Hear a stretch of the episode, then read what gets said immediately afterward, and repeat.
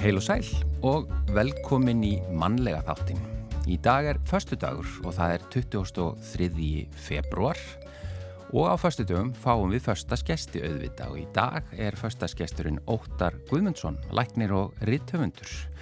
Hann hefur auðvitað skrifað fjöldabóka, bladagreina og, og pisla og verið fastur penni hér og þar í fjölmjöla heiminum. Hann hefur látið sér geðheilbriðismál varða vímu efnamál og, og fleira, hann er stundu verið umdeldur, alltaf órættur við að viðra skoðanir sínar og við ætlum að taka á móti honum hér á eftir og forvitnast um æsku hans og uppvöxt og svo ætlum við að skauta svona í gegnum lífi til dagsins í dag. Og svo er það þetta matarspjalli, Sigurlu Margrét verður með okkur þar eins og alltaf og hún vildi tala um vonina, sem sagt eh, vonin um vorið, sem ég segja að, að það sé ekki vor á Íslandi, heldur bara von um vor Uh, og uh, við ætlum svona velta hens fyrir okkur hvaða áhrif það hefur á, á uh, mataræði, hvað við fáum okkur mögulega salat eða eitthvað slíkt og hvort að mataplönin breytist mikið eftir veðurfærinu og árstímanum. En við byrjum á tónlist eins og alltaf og þetta eru Haugur Mortens og Erla Þorsteinsdóttir sem að syngja hér lægið Þreg og Tár.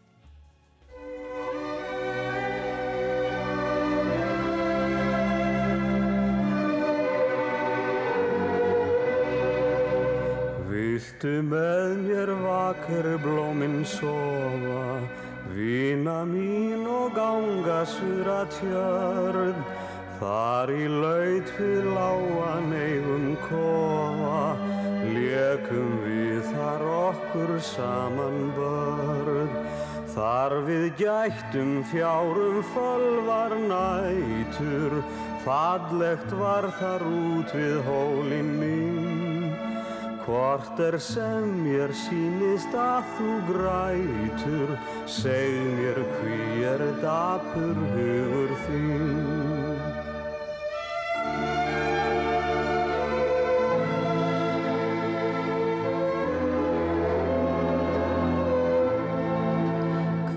Ég græt og burt er æskan bjarta, bensku minnar dáin sér hver rós. Það er sárt í sínu unga hjarta að sjá hvers lokna öllins gestu ljós. Og hver fegin vild ég verða aftur, vorsins barn og hérna leika mér. Nú er lamað þrek mitt þrótum kraftur, þunga sorg á herðum mér ég ber.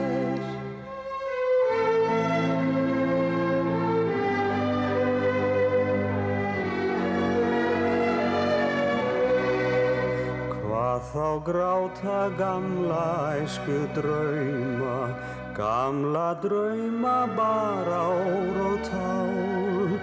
Láttu þrekki þrýfa stýrist tauma, það er hægt að kljúfa lífsins ál.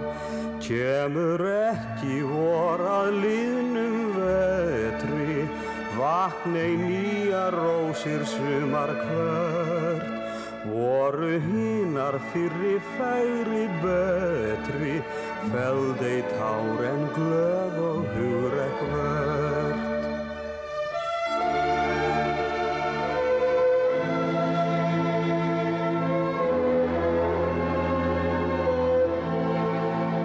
Þú átt gott, þú þekkir ekki sárin, þekkir ein ég skilur hjartans mál. Þrek er gull en gull eru líka tárin, guðleg svölun hverri þreytri sál. Stundum þeim er þreki brýtt og kraftur, þögul höfug fjallu tárum kinn. En sama rósin sprettur aldrei aftur, þótt önnur færi skreiti veginn þinn.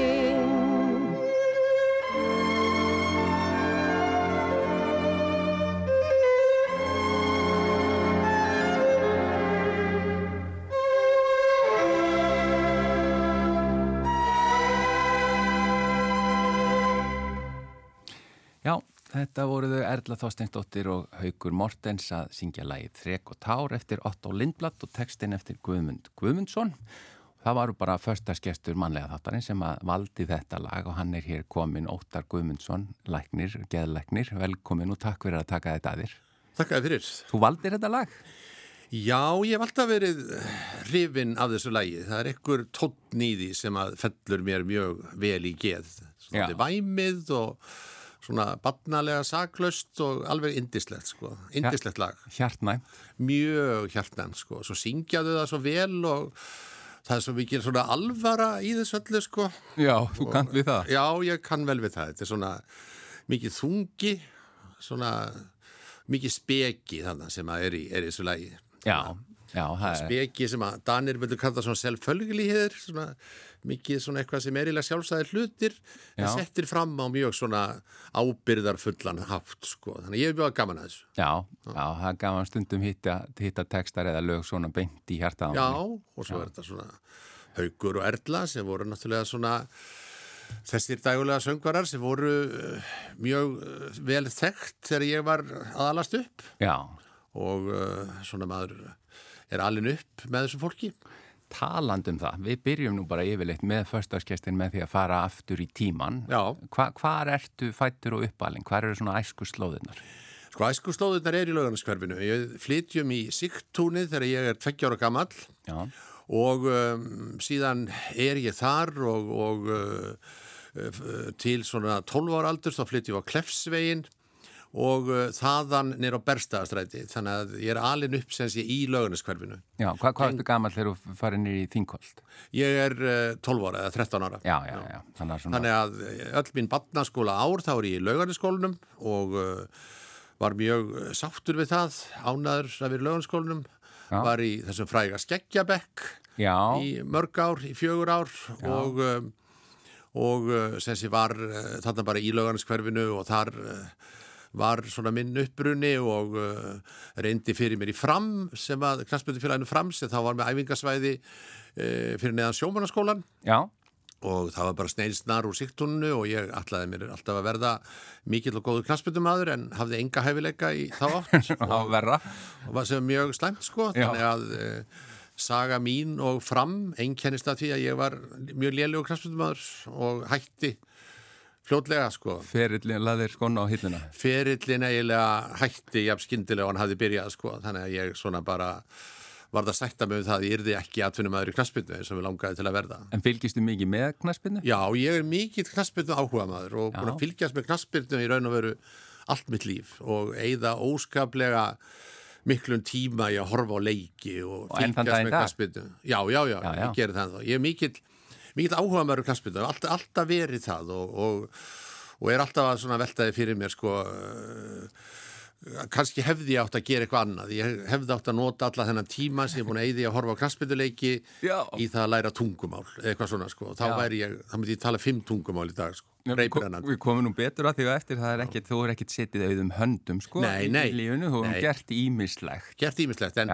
en knaspinda hefur alltaf fyllt mér, ég hef alltaf verið mikill áhuga maður og knastbyrðu. Hvaða lið eru, eru heldur þú með þá? Ég er náttúrulega framari, já, ég já. verður náttúrulega að vera það áfram já. og ég er náttúrulega alin upp í, í fram, svo við alltaf haldið með Þískalandi, ég hef alltaf haft einhverja þíska tengingu Einmi. Pappi fór að læra í Þískalandi og var alltaf volið hrifin af þískri menningu og þísku og, og og því og ég erði þetta frá honum og, og uh, var alltaf mjög hrifin af þjóðverjum og Þískalandi, Þískri menningu, Þísku og uh, Þískri knaspirnum þá og held alltaf með þjóðverjum sama hvar þeir voru að spila eða móti hverjum. Áttu þá uppáhald lið í Þískaboltanum? Já, já, ég er held eiginlega með bæjan München og svo held ég með Hertu Berlín að því ég bjó lengi í Berlín sko Já, komum betur að þessum Þískalands áhugaðinum á eftir. Pappiðin, þú, þú nefndir hann, Guðmundur Sigursson, hann vann í banka Já. en hann samti revjur og gamanþætti í frístundum. Sko, hann var uh, mjög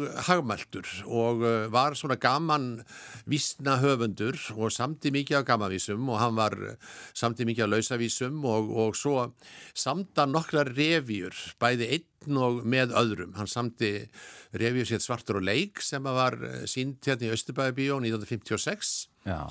og svo var hann í samstarfið með Haraldi á Sigursinni sem var mjög þekktur leikari og revíuhöfundur og Bjarnar Guðmundsinni sem var líka eh, þekktur, hann var nú embætismæður, var lengi bladaföldru og ríkistjórnarinnar og hann, eh, þeir sömdu saman revíur og, og þannig að svona mín æska hún einkennist aldrei að þessu stressi sem er í kringum það að setjum revíur og, og allt þetta í sambandi við leikhúsið og leikarar sem að kom ekki eða mætt ekki og já, já. leikstjóri sem að uh, gerði eitthvað sem hann átt ekki að gera.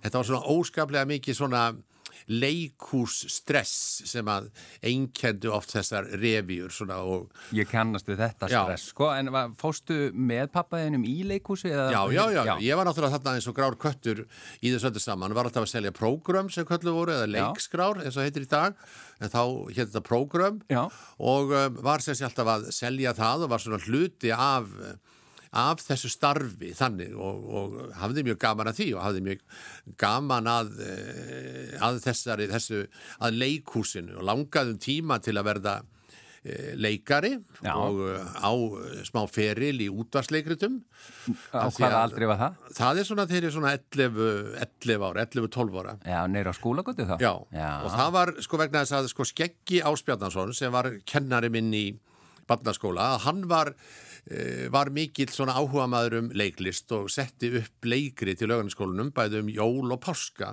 Já. og ég leik venjulega í þessum leikritum og, og það eiginlega svona uh, gerði það síðan að verkum að ég var valin í einhver útvarsleikrit leik í leikriti Guðmynda Kampan Já. og uh, var þar einhver drengur sem hétt Kálfur og var með mjög fáa replikur en ég held að ég hef komið því alveg lista vel frá mér sko. Hefur, er, er þessar upptökur til? Ég veit það ekki, Nei, ég hef ekki, hef ekki tekkað á því sko. en þetta var svona þannig átti þennan feril sko, sem, en, en mér fannst þetta mjög spennandi þessi heimur leikúsins og e, þetta stress og, og svona allt, allt í kringu þetta. Var pappiðin upp á sviði eitthvað? Nei, nei, nei, hann var bara að skrifa, bara skrifa já, og semja, bara skrifa, semja og skrifa sko. Já, já, en þið langaði frekar upp á sviði?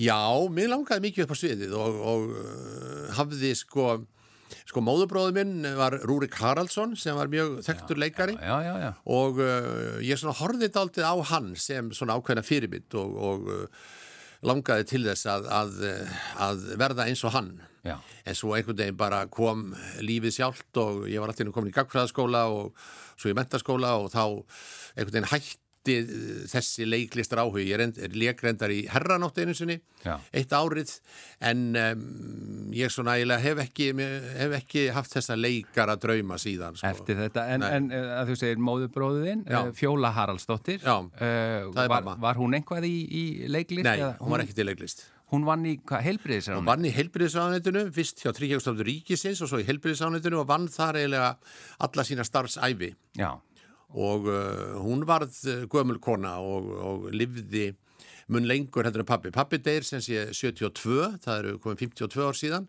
Já. og mamma deyr ekki fyrir 2004 þannig að hún er ekki að þarna í mjög mörg ár.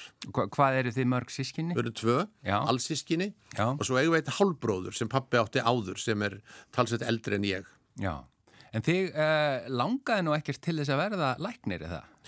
Nei, ég hafði mjög lítinn áhuga á því. Ég sem ég var í mentaskóla og fór í mentaskóla í Reykjavík sem var náttúrulega eini kosturinn þá og uh, var í máladelt og er ætlað alltaf bara að fara í sögu og þísku og þískar bókmöndir. Mér langar alltaf mest til þess. Og, já, Þískaland tókaði. Já, Þískaland tókaði. Það var þessi Þískalands áhugi og kannski daldi var ákveðin þrýstingur frá pappa sko að ég yrði e, svona einhver, e, sko hann langaði alltaf til þess að ég yrði skáld. Það var hans draumur. Já, já.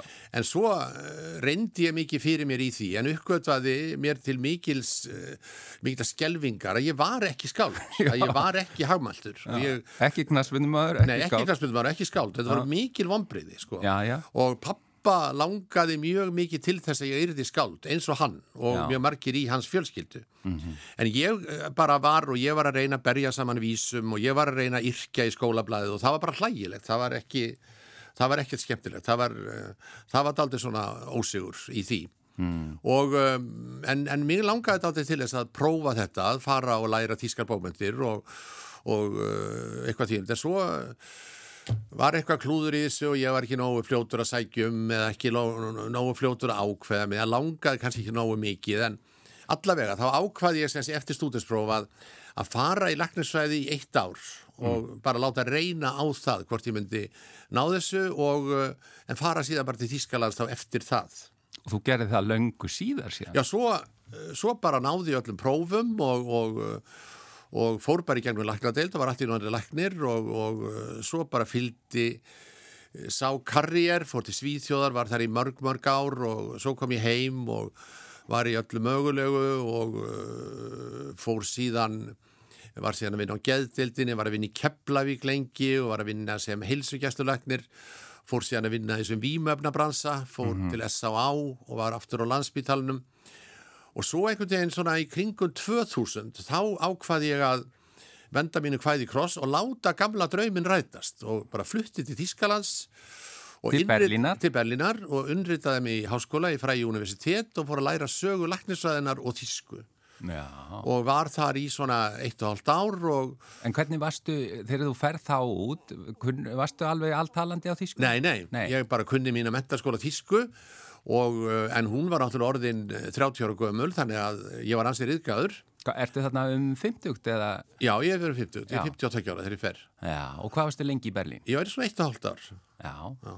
Og var það, hvernig var svo reynsla? Varstu, samfaristu um að þú hefur valið rétt eða ekki með læknisfræðina? Mm, bæði og, sko. Mér varst alveg ofboslega gaman í Berlín og mér varst mjög gaman að, að vera í háskóla aftur og, og fara inn á uh, svona stúdendagarð og ég gæti átt að vera afi allra sem að byggu þar og, um, og svona að fara inn í þetta að læra þísku og, og svona sitja aftur í tíma. Mér fannst það rosalega gaman en, en svo einhvern veginn e, brúðust þar vonir sem ég bundi við þetta, ég ætlaði að fá stöðu við laknadeild í sögu laknisæðinar en svo fekk ég það ekki og svo ég varði eiginlega bara að fara aftur e, heim og, og fara aftur í geðlakningarnar sko. þannig að þó ég hef verið búin að ákveða að kom ekki nálagt þeim framar sko. Já, já. já. En, en þú fegst allan, þú, þú lest þetta rætast að fara til Þýskaland. Lest þetta rætast og, og þetta var, varð mér til mikið af blessunar sko. Þetta var mjög gaman og þetta var mjög skemmtilegt og, og, svona, já, mjög lærdómsríkt og ég kynntist þarna mjög mikið skemmtilegu fólki kynntist sögu borgarinnar, varð síðan leiðsögumæður í borginni í mörg ár fyrir Íslandinga og um, þannig að þetta var eh, mér til blessunar, þetta var mjög skemmtilegt að fara viljum að brjóta viðtælið aðeins upp hérna Já. með einu lagi. Já. Eh, það er konan þín sem að, að syngur það lag, eh, Jóhanna Þóraldsdóttir. Það heitir Einskonar eftirmáli og það er einmitt pappiðinn sem semur textan. Já, pappi gaf út þessi eina ljóðabók sem að hétt Dýrtsbaug mm. og og þetta var eiginlega þetta, þetta, þessi, þetta kvæði það er eiginlega eftirmálin það heitir, þetta heitir eins konar eftirmáli mm. og um, ég hef notað þetta, þennan, þetta kvæði mjög mikið í svona fyrirlestur sem ég haldið og svo samti Jóhanna, konan mín, hún samti lag við þetta kvæði sem við skulum hlusta á. Já, heyrum það nú, svo höldum Já. við áfram með förstaskestin Óttar Guðmundsson.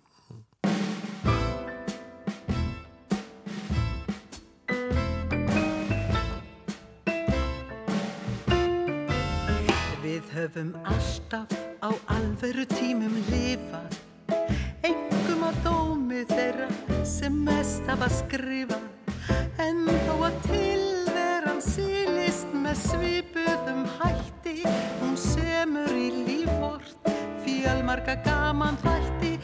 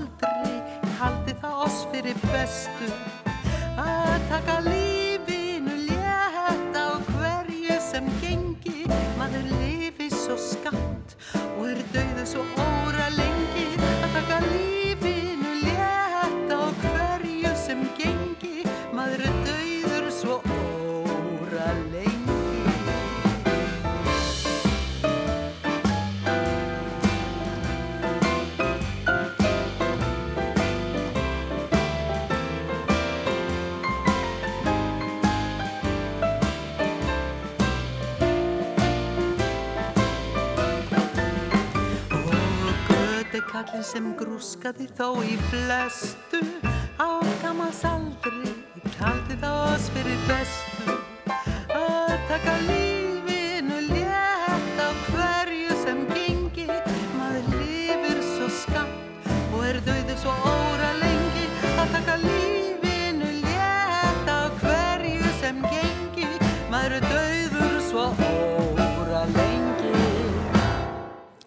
Já, eins konar eftirmáli, þetta var Jóhanna Vaff Þóraldsdóttir, lag eftir hana og texti eftir Guðmund Sigursson, föður förstudagsgestsins, eh, Óttars Guðmundssonar.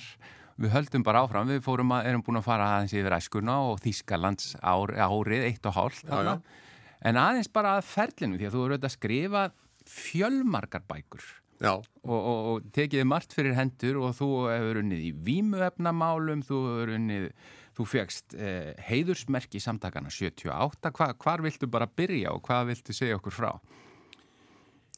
Já, það er uh, náttúrulega, smart á einni mannsæfi og, og ég hef náttúrulega komið mjög víða við og uh, þar kannski liggur svona, kannski minn styrkleiki og minn veikleiki líka. Ég er voðalega fljótur að, að verða leiður á því sem ég er að gera og langar alltaf til að prófa eitthvað annað, gera -hmm. eitthvað annað þannig að þegar ég var í, var í Svíþjóð sko, þá uh, var ég held í þremur eða fjórum sérgreinum læknisæðinar sko Áður þú valdir geðlækningar? Áður ég valdi geðlækningar þess að ég valdi nú ekki fyrir ég var komið til Ísland sko og kláraði það þar og í geðlækningun var ég búin að vera í, í mjög mörgu, ég er búin að vera í þessum výmöfnabransa og uh, svo í almennum geðlækningum Nú svo tók ég að mér þessi transmál fyrir orð uh, Ólafs Ólafssonar, þá var hann til landlæknis 1997 Já.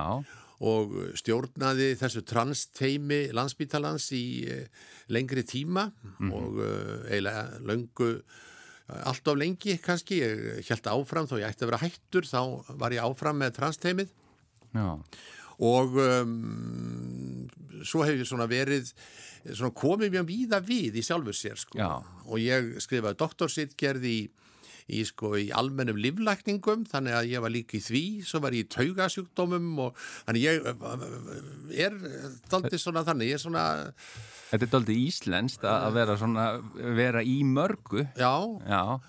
Sko ég hef alltaf haft, haft alveg ótrúlega mikið af áhuga málum sko. það er, um, og það er kannski sérstoflega vel á þessum bókum mínum sko. Ég skrifaði, fyrsta bókin sem ég skrifaði var um kynlíf og hétt Íslenska kynlífsbókin Já. og þar var þáttið slegin þessi taktur að, að nota Íslendingasögurnar og um, ég var mikið að vittna Íslendingasögurnar í þeirri bók og um, ég finnst það alltaf að verið mjög vel hefnuð bók að gefa nút almenna bókafélaginu.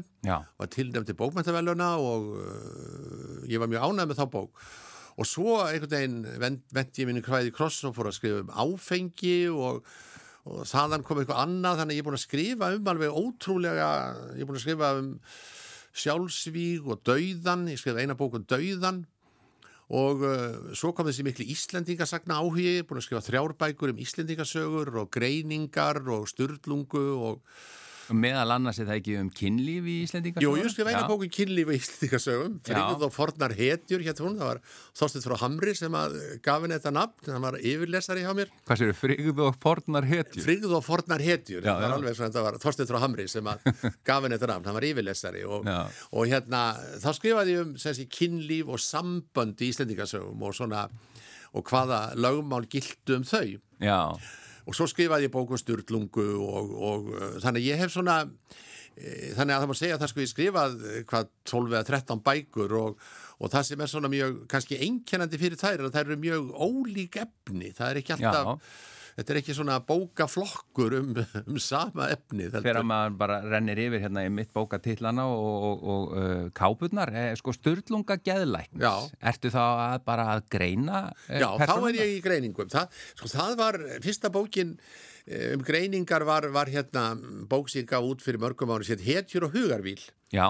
og þar eh, var ég að greina sko eða allar helstu hetjur Íslandingarsagna sko samkvæmt uh, skilgreiningar viðmiðum gælætursvæðinar og um, þetta hafði enginn gert áður og þetta var bók sem að gekk mjög vel og seldist mjög vel. Og, og svo skrifaði aðra bók svona svipaða um kynlífið í Íslandingarsögum og svo tók ég styrlungu alveg sömu tökum sko þannig að Já. það var eiginlega þá tók ég og og geðgreindi eiginlega alla helstu, allar helstu hetjur og hetjur hvern, og anthetjur. Hvernig komu þær út úr þessu?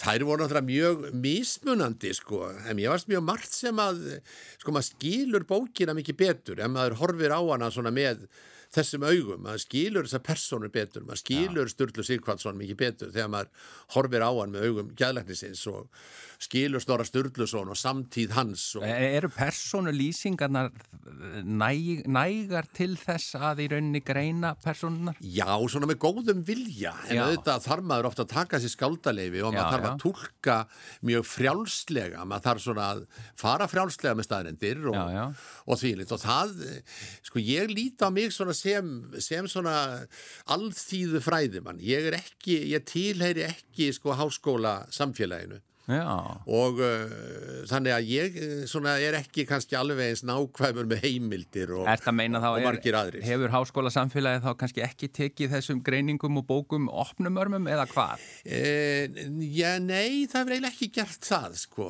það var sérstaklega fyrsta bókin sko.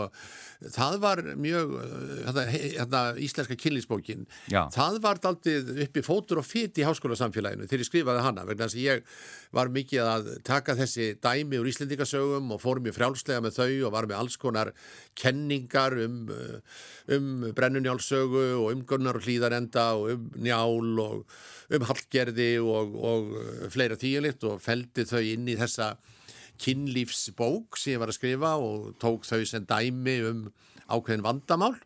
Og þetta þótti ekki góð latína, þetta væri þarna væri verið að, að sko eiginlega oftúlka mjög mikið og þetta, það var ekki kannski alveg í lægi að vera að fara með þessi greiningaskilmerki inn í skáldsögu sem að margir telja að Íslandingasögur séu. Ég til náttúrulega þessi sannleikanum samkvæmt, hvern einast ár satt. Já, já, en ég minna og, og þeir sem eru sammálaðið með það að, að þetta séu, að þær hafi runni að þessar sögur hafa átt sér stað var, voru þau alveg sátt með þetta? Já, já, það en, en það er bara sko sem að mér finnst vera sko þetta að Sko, mér finnst að Íslandingasögundar, ég eh, vil að Íslandingasögundar séu almanægn og, og ég vil að þetta séu, séu bækur sem að séu sko, umtalaðar og umrættar og menn séu að diskutera þær í samfélaginu, bara Já. alþýða manna séu að gera það. Þetta séu ekki enga eign einhverja vísindamanna upp í háskóla sem að eh, sláu yksin á þessa bækur og uh, þegar við standi eh, vörðum já, standi vörðum þær, það eh, finnst mér ekki vera rétt.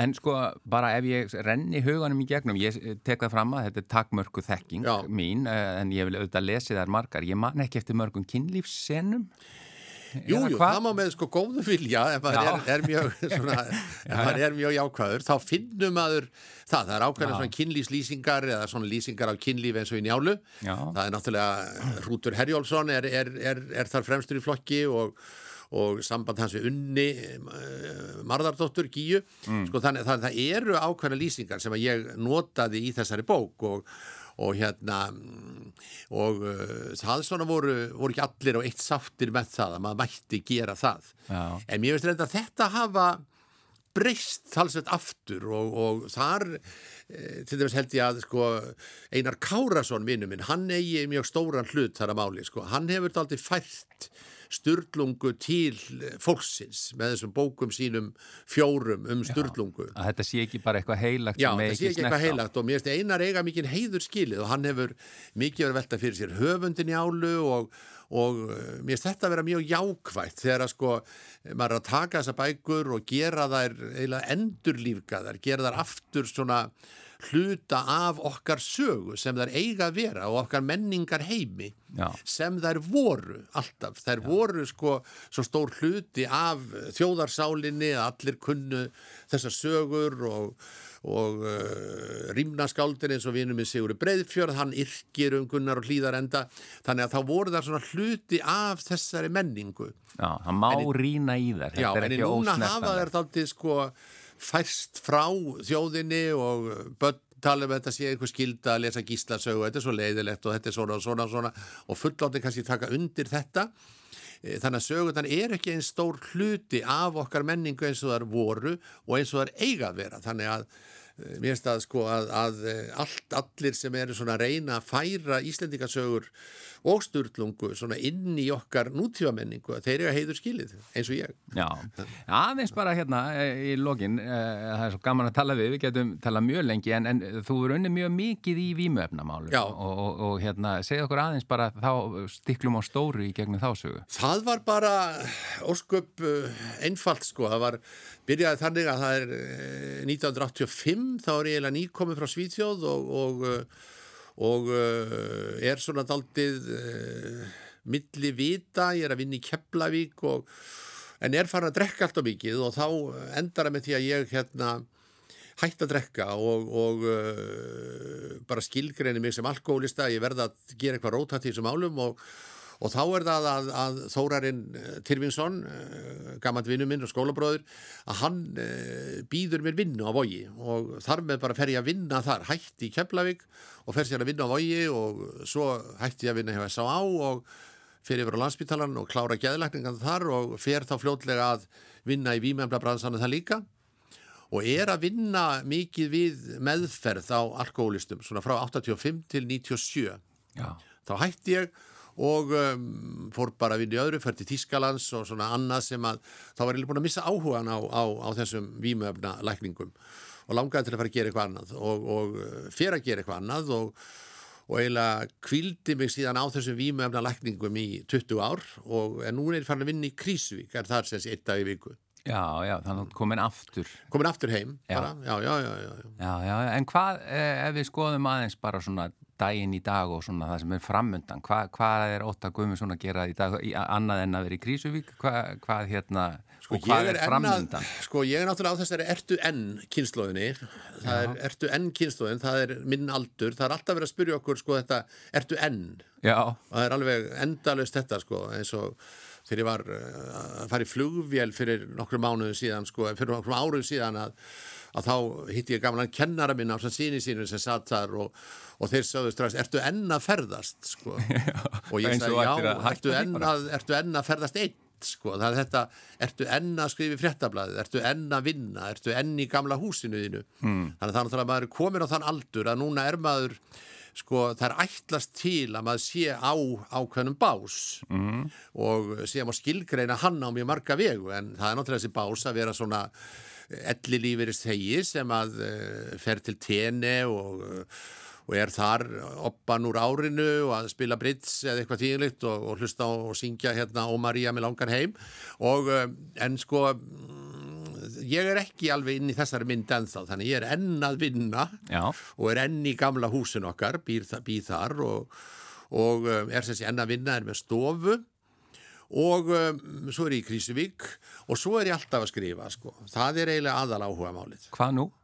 Ég er að skrifa núna um skáldin á 19. öld ég er alveg fastur í þeim núna ég er fastur í Sigurði Breiðfjörð uh, rýmnaskáldi uh, gríðarlega mikið áhuga á honum og hans lífi og uh, sé kannski þetta aldrei sjálfan mig í Sigurði Breifjörn mér finnst Já. við Sigurði Breifjörn vera svo skildir í andanum. Hann reyndar er náttúrulega talandi skáld og fljúandi hagmæltur sem ég var ekki. Það var mitt stóra vandamál. Já, en um, það er einhvern veginn þetta svona þessi óráleiki í blóðinu sem eigum sameigilegan og svo þetta að áfengi hendað okkur ekki.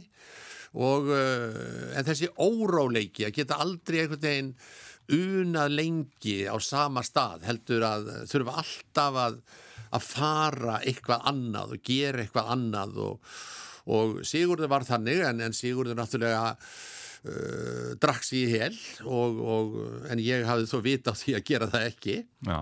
og þar skilur á milli fex og ófex en það er eitthvað við Sigur Breiðfjörð og hans sögu sem að, sem að hillar mig og, og ég er búin að vera ég skrifaði bók fyrir mörgum árum síðan sem hér Tímin og Tárið sem fjallaði um Íslendinga og áfengi og uh, þar er Sigurður Breiðfjörð uh, mjög stór í þeirri bók. Við þurfum bara að fylgjast með því að þetta hlýtur að koma út þá getum við fengið að lesa þínar pælingar um hann. Er ekki satt eða hvað? Jú, það er það, er það sko, en, en það er eitthvað svo það er eitthvað svo margt gott við Sigurður Breiðfjörð sem ég er svo hrifin af. Er, hann hefur alveg hillað mig sko. Já, en Óttar Guðmusson Eh, Lá mér að enda hérna bara með einni vísötti sigurbreyfur. Já, komdu með hana. Já, að lifa kátur lýs mér máti bestur. Þó að bjáti eitthvað á að því hlátur gera má. Þakka er innlega fyrir að vera fast. Þetta er þáttur Sigur Breiðfjörð í Nótskurð. Þetta er gríðarlegur mæðumadur, er stundu, hann er stundu kallaður hérna Óskabarn ógæfunar, en í öllum þessum þrengingum og raunum og það er allir á mótorum, öll elítan, skáldaelítan, háskólasamfélagið, Jónas Hallgrímsson, embættismenn, það virkir hann svona að því hlátur gera má. Takk er innlega fyrir að vera förstaskestur í manlega þættinum, Óttar Guðmundsson. Takk að fyrir. Þú byrtist ætið seint um kvölda hausti í sömu mynd og rökkvast dagsins mynd. Faðmur þinn og flauelsmjúkar hendur Finna leiðaðinstu hjartans lind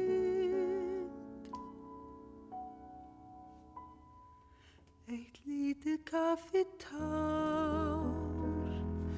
Tegarðu hljóður. Súra svip Þú hásum rómi baðst meir.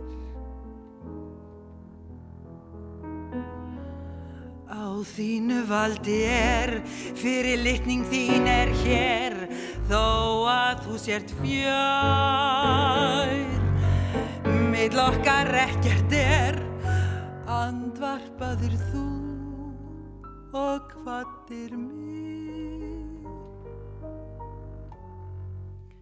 Eitt lítið kaffitá úr ástarvana Þú gafst mér enga von. Allt er áttum við er afstæðið Ég horfi í augu þín sem ekki skilja mín ég leysist upp án þín. Ekki fara elskan, ekki strax. Být augna blik ég hýta ef þú vilt. Eitt líti kaffitár kaffitár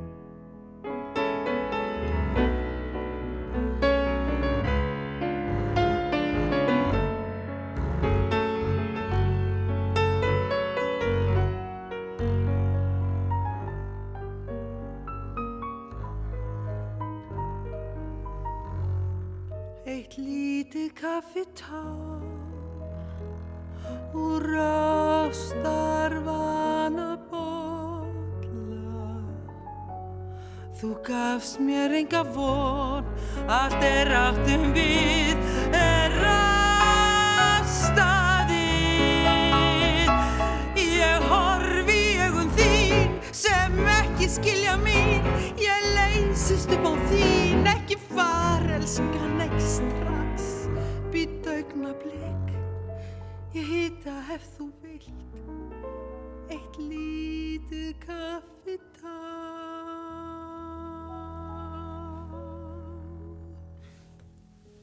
Jóhanna Vaff Þórhalsdóttir söng þarna lægið Eitt lítið kaffitár. Uh, hún er eiginkonna förstaskessins Óttars Guðmundssonar. Eh, Lægið samti Catulo Castillo og textan samti Sveinbjörni Baldvinsson. En nú er komið að þessu.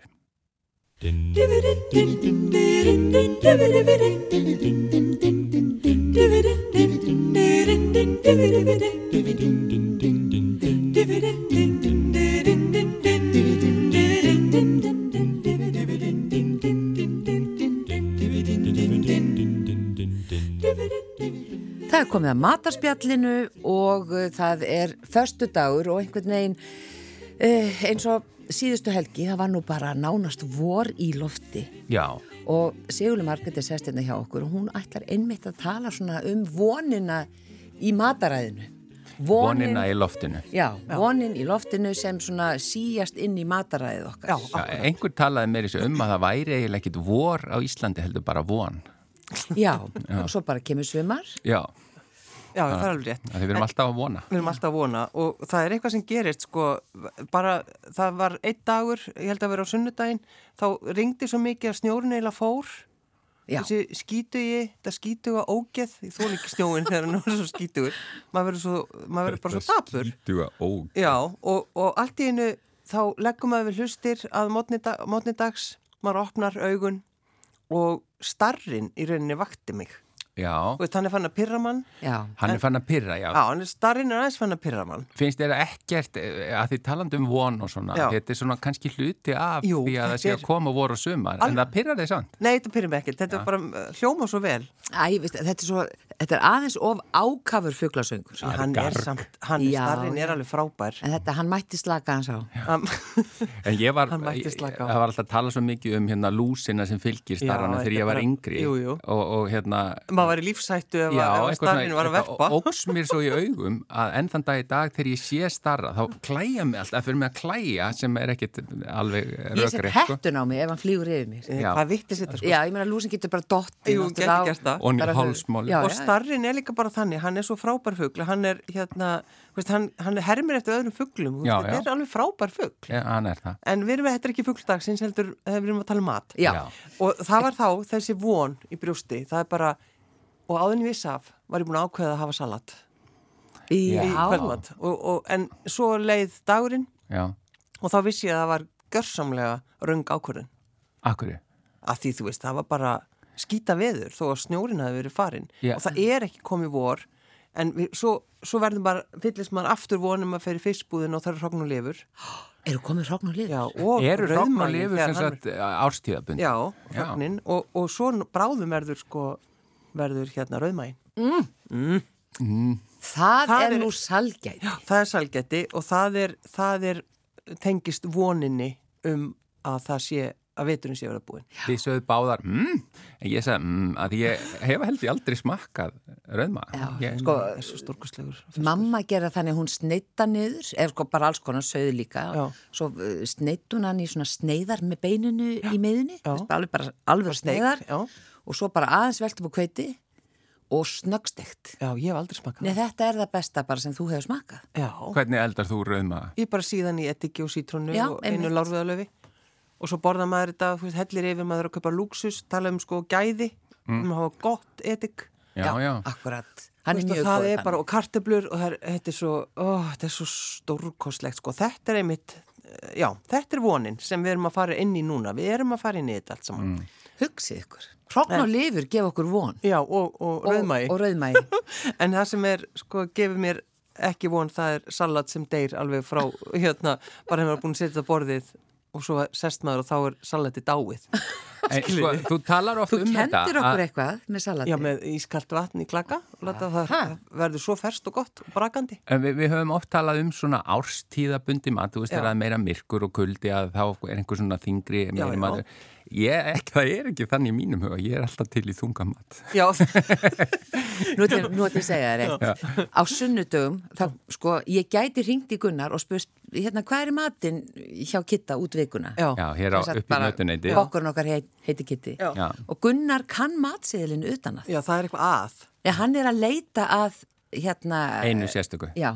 Getur hvað það er? Já, það er sko, ég ætla að útskýra þetta þannig að ég veit, veit ekki hvort það komi neitt betur út fyrir mig þó ég útskýra þetta eh, að því að ég, maður kíkir ofta á sunnudagin kíkir maður aðeins á bara hvernig vikan er framöndan í vinnunum og svona og, og þá, já, þá bara já. blasir við að maður getur smelt á dagan og skoða matseilin og aðal er ég að skoða fymtudaga af mhm. hverju skoða ég fymtudaga Það voru stundum Rif í maður. Já, já þetta er eiginlega svona yfirleitt samt svona kjötmeti á mm -hmm. fymtudegi sem að ég Eh, mér finnst eiginlega upp á hálfstagarnir já, já, já, ég finna það. Alveg saman hvort það sé heitt eða kallt eða úti og eitthvað það bara og ef að það eru grísarif á fymtudegi þá er vikan mín betri. Já, þá er ég bara, bara. gladur alla vikuna og spettur og svo lendi ég í um daginn ég var veikur á fymtudegi þegar það voru rif. Ég var bara, og Guðrún með þess að tala um hún ætlaði næstu að senda mér mat heim. Ég ætlaði að gera það, já, en svo bara þurfti ég að fara eitthvað í hátteginu en ef ég hef ekki þurfti þá hef ég bara sett honum rifin þetta er bara einn minn helsti ég, ég veit ekki á maður að segja veikleiki þetta er alltaf sem mér finnst bara nei, nei. alveg stórkostlega við eigum líka bara að njóta af þessa borða og við eigum ekki að skammast okkur nei, maður á að borða veist, ef, við förum, ef við borðum með sektarkend mm -hmm. þá þá meldist það illa, meldist það illa. Mm. þá verður maður bara spikfeitur nei ég ég ætla ekki að segja það. Ég sagði það samt, nei skiljið þá bara fer það ítli mann og það er, það er óholt mm. sko. en ef þú tekur þessum, tekur, horfur á sér rif Já. og er þakklátur fyrir Já. rifin og kitta kokk. Og þú borðar það og þið líður vel. Þú ert ekki með samvinskupið það bara skiptir mjög mjög mjög máli en skemmtilegt, við erum búin að tala um starran, vonina og samvinskupitið og við erum samt að tala um mat. Og rif. Og, rif. og hrafn og lifur og rauðmaga Matur svo... er tilfinningar.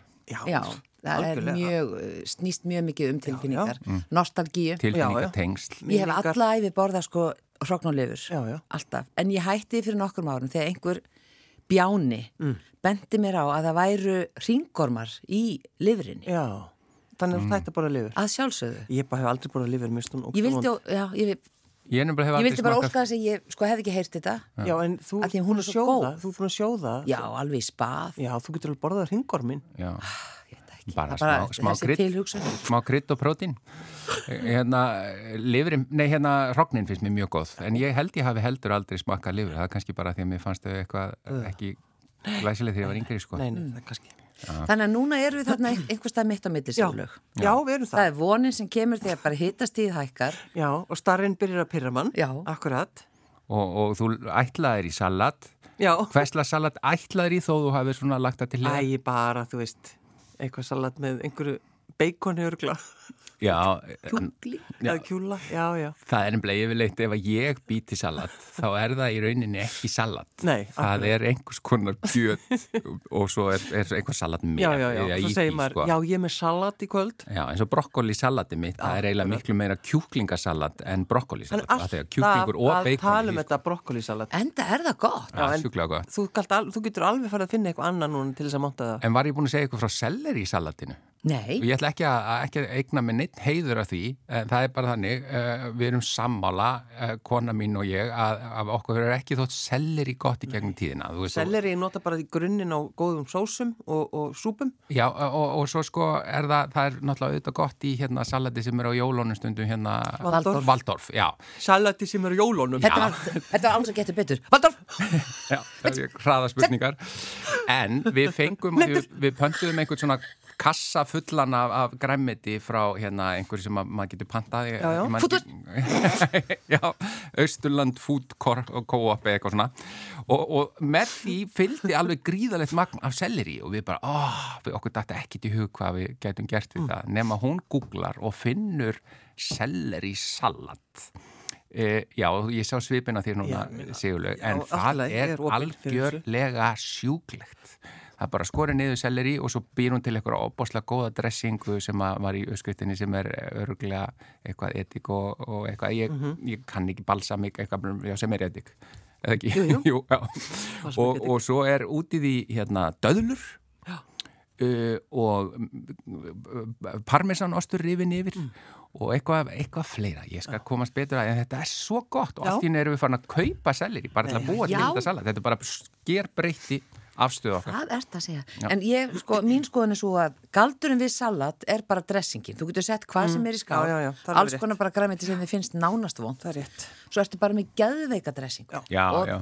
Þetta er svona, sko, ef maður vill auka salatneisluna, að búa til geggjað dressingu. Mm. En nú eru þið náttúrulega, sko, nú er mannlega að senda mér vettvánsferð og það sem ég er að fara að rannsaka akkurat núna er mjög áhugavert. Það er sem sagt það er púrlaugur, það er uppskera núna á spáni, púrlaugurinn er stórkustlegur og þeir uh, eldan á sérstakann máta nýri í Katalóniu og það mun bara koma ljós. Ég er ekki að segja meir.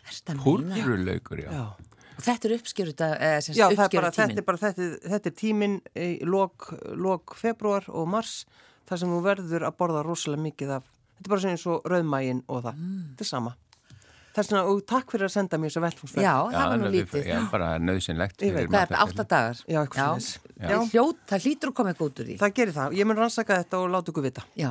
Þannig að í næstu viku Púrulaug. fáum við að vita um púrulaug. Mm -hmm. Allt um púrulaug. Og, og einhvern spænskan mat. Já, og appelsínuna, það er náttúrulega stórkoslega núna. Blóðappelsínuna. Blóðappelsínuna. Svo rétt, en púrulaugur er svo góður. Já. Já. Ó, blóða oh. Já, Já uh, það er förstaður uh, eh, og þá er það bara komið að þér kæra Sigurlega Margreit, er ég áður en þú ferð í þessa leggur í langferð uh, eh, gjör það svo vel að hvaði okkar kæru hlustendur. Á spænsku? nei, nei, kæru hlustendur góðar stundir. Gracias. Adiós. Adiós. Adiós